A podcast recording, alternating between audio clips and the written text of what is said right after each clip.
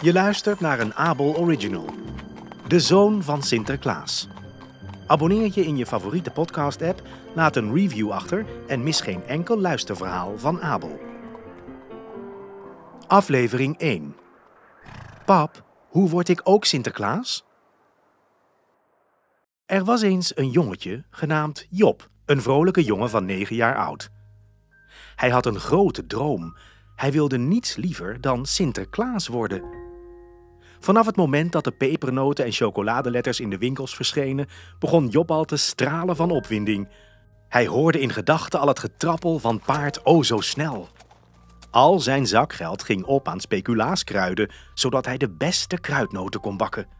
Zijn geld dat hij met een heitje karweitje verdiende, ging op aan witte handschoentjes. Hele mooie zachte die hij had gevonden op een rommelmarkt in Frankrijk toen hij met papa op vakantie was. In de deux chevaux hield hij ze aan, met het autoraampje naar beneden, de wind wapperend in zijn gezicht. Als ze dan op de Route du Soleil reden, de grote snelweg die dwars door Frankrijk reed, had Job maar één verzoek. Pap, mogen we nog een keer naar Sinterklaasliedjes luisteren? Natuurlijk, zoon. Zing maar lekker mee.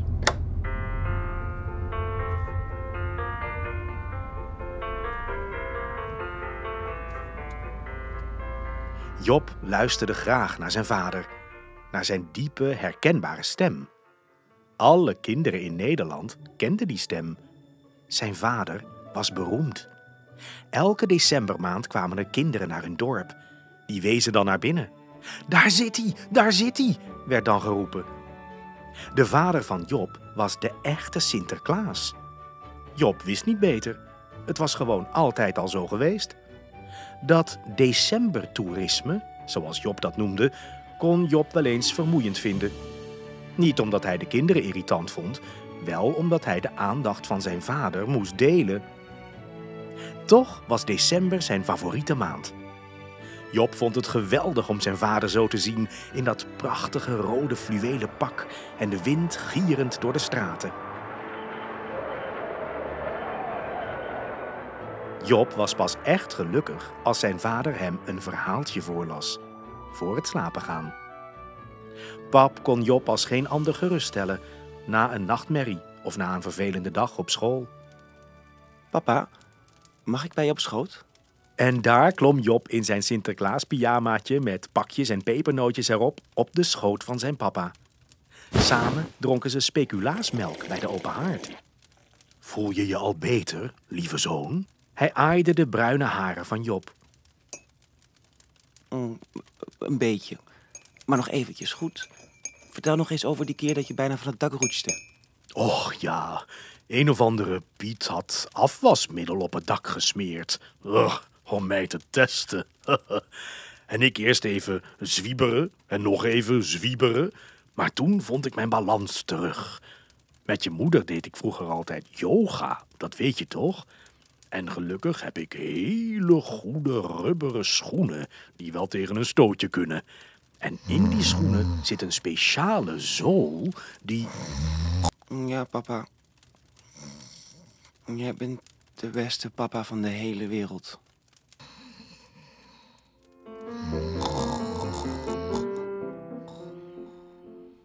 Op een koude decemberochtend, toen de sneeuw zachtjes uit de lucht dwarrelde, keek Job zijn vader aan met grote glinsterende ogen. De radio stond op de achtergrond aan. Papa, zei hij met een serieuze blik en schommelend met zijn pantoffels aan zijn voetjes. ik wil ook Sinterklaas worden, later als ik groot ben. Papa Klaassen lachte hartelijk en knipoogde naar zijn zoon. Dat is een prachtige droom, mijn zoon. Misschien moet je eerst eens een dagje met me meelopen om te zien hoe het er allemaal aan toe gaat. Een soort meeloopdag. Echt? Een meeloopdag? Zou dat kunnen? Job sprong op van vreugde. Jawel, maar dan is je eerste opdracht om een sintepak te maken. Want alleen met je eigen sintepak en een stafje kan je met me meelopen. En ook een mijtertje? Pap, pap, krijg ik ook een mijtertje? Jawel, zoon, jij krijgt ook een mijtertje. Job rende de trap op. Avond aan avond naaide Job aan zijn pak. Zijn vingers zaten vol met naaldenprikjes. Zijn hand leek wel een speldenkussen, maar dan zonder de spelden erin. Die vervelende kruisteken. eh, Rechts, onder, om, omhoog, eh, met de naald. Ja, en dan met de naald eh, linksboven insteken. En dan weer rechtsboven omhoog. Met, nee, of dat nou links? Met een diepe zucht ging hij gestaag verder en werkte hij aan zijn pak. Maar het werd mooi. De roodfluwelen stof zou hem prachtig staan. En zo begaven vader en zoon zich, in het donker gehuld, naar de daken van de stad. De wind waaide. Job hield zijn mini-Sinterklaaspak, zijn tabbert en zijn staf in zijn handje stevig vast. Hij voelde zijn hart bonzen terwijl hij de ladder beklom. Zijn vader, met zijn volle baard en een twinkeling in zijn ogen, keek hem geruststellend aan. Op de daken was het adembenemend stil. Alleen het knisperen van de sneeuw onder hun laarzen was hoorbaar. Job keek naar beneden, naar de verlichte straten en slikte nerveus. Papa, wat als ik struikel of, of van het dak val? Zijn vader legde een geruststellende hand op zijn schouder. Geen zorgen, Job. Sinterklaas kan echt wel tegen een stootje, weet je nog? En vallen hoort niet bij ons kunstje. En niet vertellen tegen anderen, maar ik heb altijd een kussentje verstopt in mijn tabbert. Als ik dan toch val, dan liever op een kussen. Samen slopen Sint en Job over de daken, de maan als stille getuige van hun nachtelijke avontuur. Job hield zijn mijter stevig vast, terwijl de wind zachtjes aan zijn wangen trok. Aarzelend haalde hij zijn rugzakje van zijn rug. Hij had het grote boek toch wel meegenomen? De ademhaling van Job werd steeds sneller en zijn wangen nog roder. Oh nee, toch? Het, het, het zal toch niet? En tot zijn schrik zag Job dat zijn rugzak helemaal leeg was, op wat kruidnoten en chocoladeletters na. Hij was het boek vergeten, terwijl zijn vader het nog zo duidelijk aan hem had gevraagd om het grote boek echt mee te nemen. Hij besloot om het slechte nieuws nog even voor zich te houden. Toen ze bij het eerste huis aankwamen, voelde Job zijn knieën knikken. Wat als ze me zien, papa?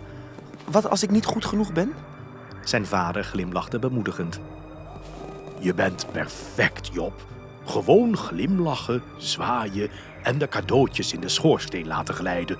Dat is alles. Pap, niet zo snel! Wacht nou even! Jawel, zoon, ik wacht op je. Maar we hebben nog heel veel adresjes te doen vandaag. Job, geef het boek eens aan. Ik moet even controleren of de familie Klaver hier nog woont. Maar pap, dat kan je toch wel uit je hoofd, zo, zo zonder boek?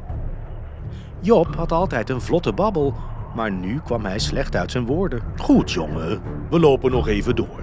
Maar zo dadelijk heb ik het boek wel nodig. Eh, ja, ja, ja, natuurlijk, pap. Job was in paniek. Wat moest hij nu gaan zeggen? Hij kon niet zomaar bekennen dat hij het boek niet had. Op zijn eerste meeloopdag nog wel.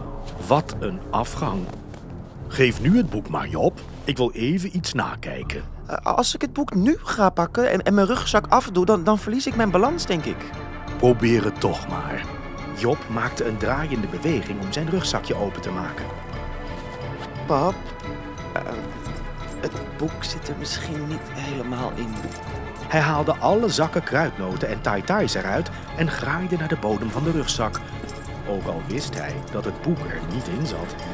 Pap, pap, hij ligt nog thuis. Toen ik mijn veters ging strikken, heb ik het heel eventjes op de trap gelegd. Wat ben ik stom, pap. Zal ik anders naar huis sprinten om, om het te halen? Dat hoeft niet. Het geeft niet, kind. Iedereen maakt fouten.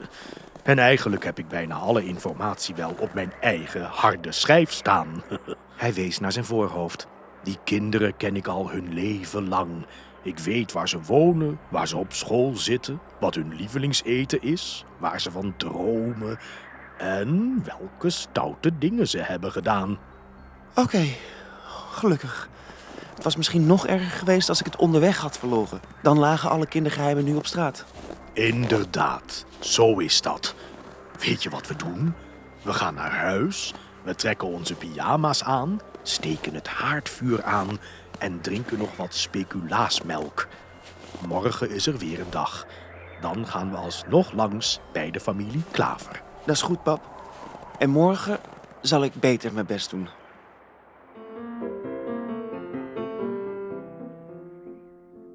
De volgende ochtend was Job vroeg opgestaan om pepernoten te bakken. Hij had jarenlang gezien hoe zijn vader ze bakte, dus hij wist het recept uit zijn hoofd. Twee grote scheppen bakmeel, een schep bastardsuiker, zout en dan wat roomboter. Hop, hop, hop, paardje in galop. Hop, hop, hop, alles in de kom. En dan de speciale kruiden. Speculaasje, kom maar binnen in de kom. Zo, en hup. Ja, ja. Oh, oeh, niet, ja. Hup. Elkaar. Een lepel thee? Hè? Een lepel met een beetje thee erop? Nee, nee, een, theelepel. Job raakte even in de war. Maar nee, hij wist hoe dit hoorde en gooide de ovenklep open en schoof de bakplaat erin.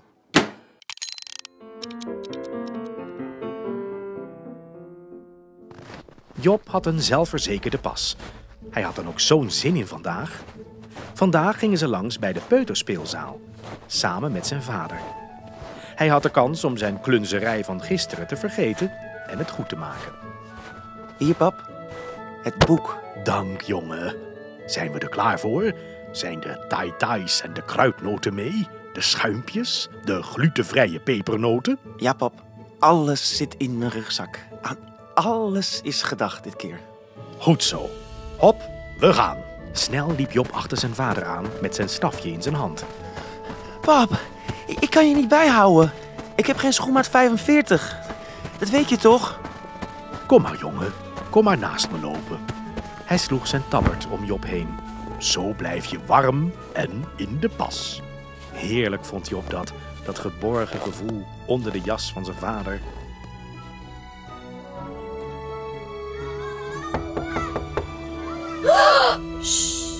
Zo, zo, zo, zijn daar lieve kinderen?